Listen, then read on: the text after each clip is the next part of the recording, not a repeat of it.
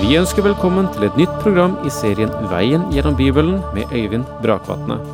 Denne studieserien er produsert av P7 Kristen Riksradio og bygger på serien Through the Bible av Vernon McGee. I dag fortsetter vi med profeten Sefanya.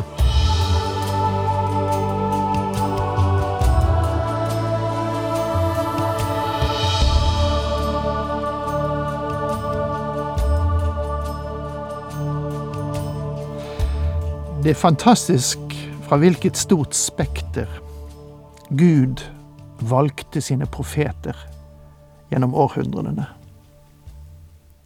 Tenk på Amos.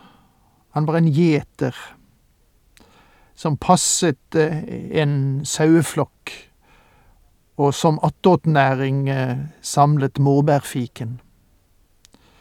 Fra en eller annen eh, bakdal syd i landet hentet Gud denne profeten opp til det kongelige hoff i Nordriket. Og så kommer vi nå til Sefanya. Og han er av kongelig avstamning, så han hentes fra det helt andre sosiale sjikt i folket. Men Gud tar ingen sånne hensyn. For ham er det akkurat det samme, der han finner et menneske som han kan bruke.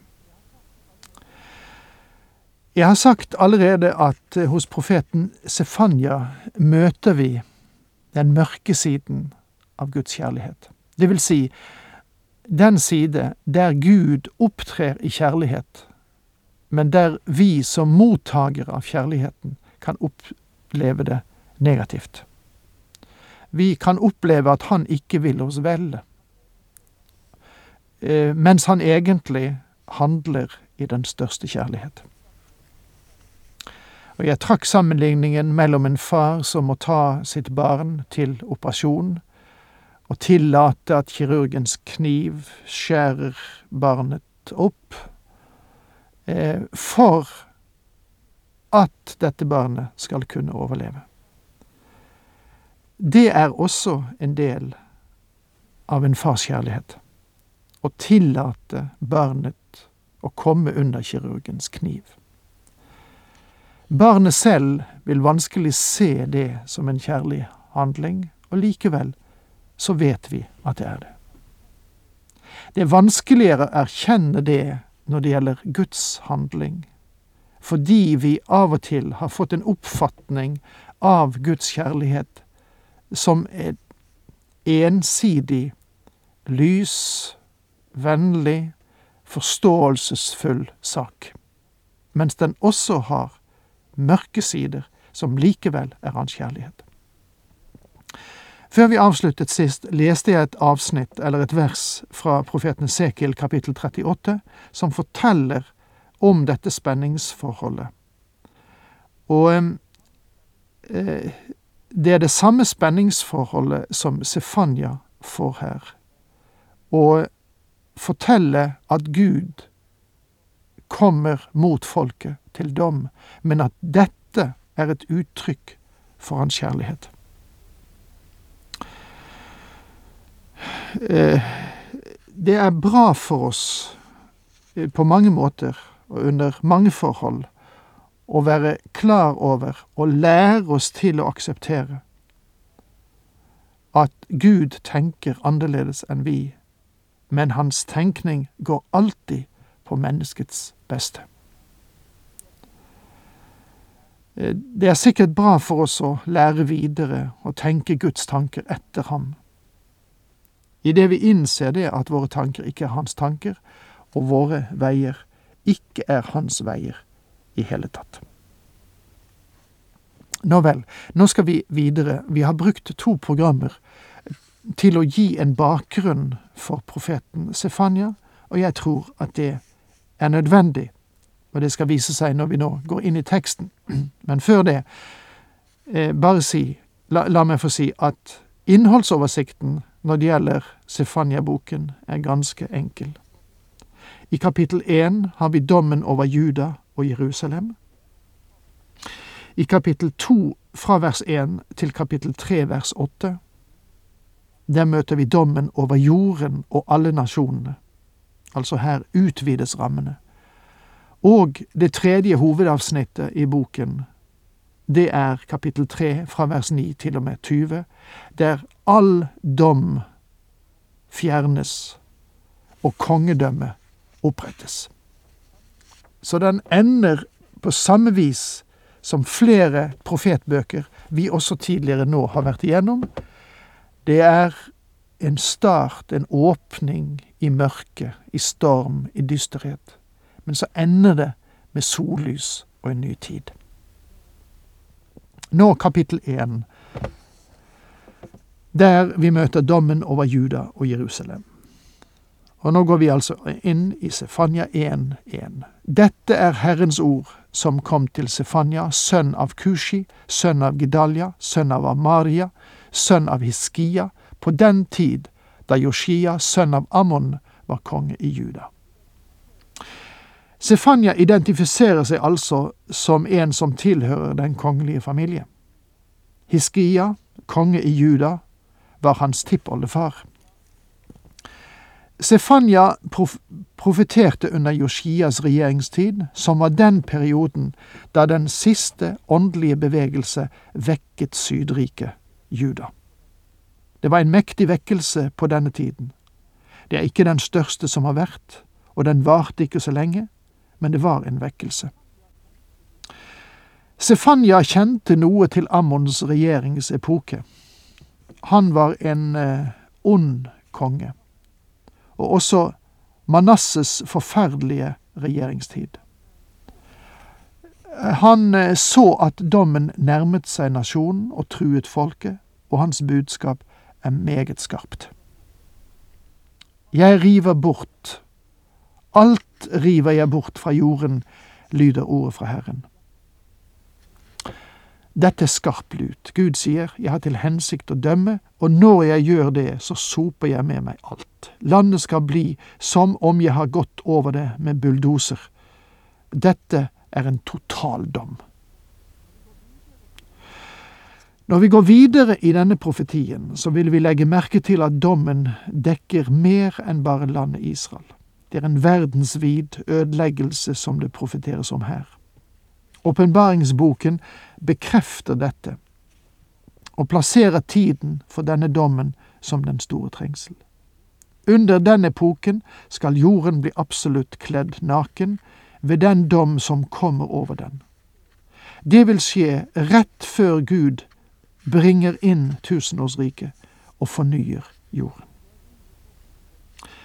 Jeg river bort både folk og fe, fuglen i luften og fisken i sjøen, jeg fører de ugudelige til fall og utrydder menneskene fra jorden, lyder ordet fra Herren. Jeg river bort både folk og fe. Hele skapningen er inkludert i denne dommen. Vi prøver så godt vi kan, både her og der, å unngå en økologisk katastrofe og ta vare på utdøende raser både av fugl, fisk og dyr men når Herrens dom kommer, vil den berøre med sjokkerende makt hele skapningen. Jeg rekker ut min hånd mot Juda, mot alle som bor i Jerusalem. Jeg tar bort fra dette sted den siste rest av Baal og avgudsprestenes navn sammen med prestene. Jeg rekker ut min hånd mot Juda, mot alle som bor i Jerusalem. Gud gjør det helt klart her at Juda og Jerusalem skal skilles ut for å møte sin dom. Jeg tar bort fra dette sted den siste rest av Baal. Det som fører Guds dom over landet, er knyttet til et bestemt forhold. Det er avgudsdyrkelse. Hos profeten Habakuk nevner Gud fem vedrop knyttet til fem forhold som Gud vil virkeliggjøre på grunn av den synd de har begått. Avgudsdyrkelse var den siste. Men her sammenfatter Sefanya alle disse forhold og fører dem tilbake til én kilde, nemlig avgudsdyrkelse, det vil si falsk religion. Skriften lærer, og den begynner med dommerboken, en filosofi bak menneskelig styringsform som, vil, som du vil se også er sant for Guds folk, og som har vært sant for alle nasjoner gjennom tidene. Første skritt i et folks avvikling er religiøst frafall. Det å vende seg fra den levende og sanne Gud. Andre skritt nedover for en nasjon er moralsk forfall. Og det tredje skrittet nedover er politisk anarki. Mange mennesker synes å mene at det store problemet for vårt land befinner seg i Stortinget. Det tror jeg ikke. En annen gruppe mennesker mener at eh, hvis vi bare kunne få en moralsk opprenskning som mennesker handlet hyggelig i forhold til hverandre, og voldsbølgen ble redusert, og ransfrekvensen ble mindre hyppig, så ville det løse våre problemer. Og igjen må jeg si at jeg tror ikke det er grunnproblemet. Jeg tror ganske enkelt at selve hovedproblemet er religiøst frafall oss i vårt land. Problemet finnes hos deg og meg, nøyaktig der vi er. Problemet er at Kirken, og nå tenker jeg alle kirkesamfunn samlet, ikke har vært tro mot og formidlet klart Guds budskap. Det finnes nok unntak, med trofaste grupper her og der, og det takker jeg Gud for. Men det spørs om ikke den vesentlige trendsetting i, i folket vårt underbygger en tvil på Bibelens totale budskap. Og fra dette religiøse avvik strømmer det moralsk avvik og politisk anarki. En lederartikkel i en stor avis skrev for noen år siden, og jeg siterer konklusjonen. Forræderiet mot Kristus i kristendommens navn er en av årsakene til den moralske, åndelige misere vi ser, vi ser bre seg i landet vårt. Det triste faktum er at Kirken ikke lenger influerer på utviklingen av folks karakter. I den grad folk vil gå til kirken, er det mer som en impuls til å delta i visse tradisjonelle riter, ikke fordi de venter åndelig veiledning fra presteskapet. Ja, det ligger faktisk en veldig kraftig refselse i det, og dette tror jeg er sant om hele den vestlige verden. Historikeren Gibbon konkluderer med at det er fem årsaker til Roms forfall og undergang. For det første hjemmets storhet og hellighet som basis for samfunnsordningen ble underminert. For det andre stadig høyere skatter, offentlige midler brukes i stigende grad til brød og sirkus for folket. For det tredje det vanvittige jag etter underholdning. Og for det fjerde oppbygging av en stor armé når den egentlige fiende lå i folket selv, og for det femte det religiøse forfall, der religionen bare blir form, mister grepet på livet og mister makten til å lede folket. Ja, det er nok undergangstrekk, som det var det i Sefanias tid. Takk for nå. Herren med deg.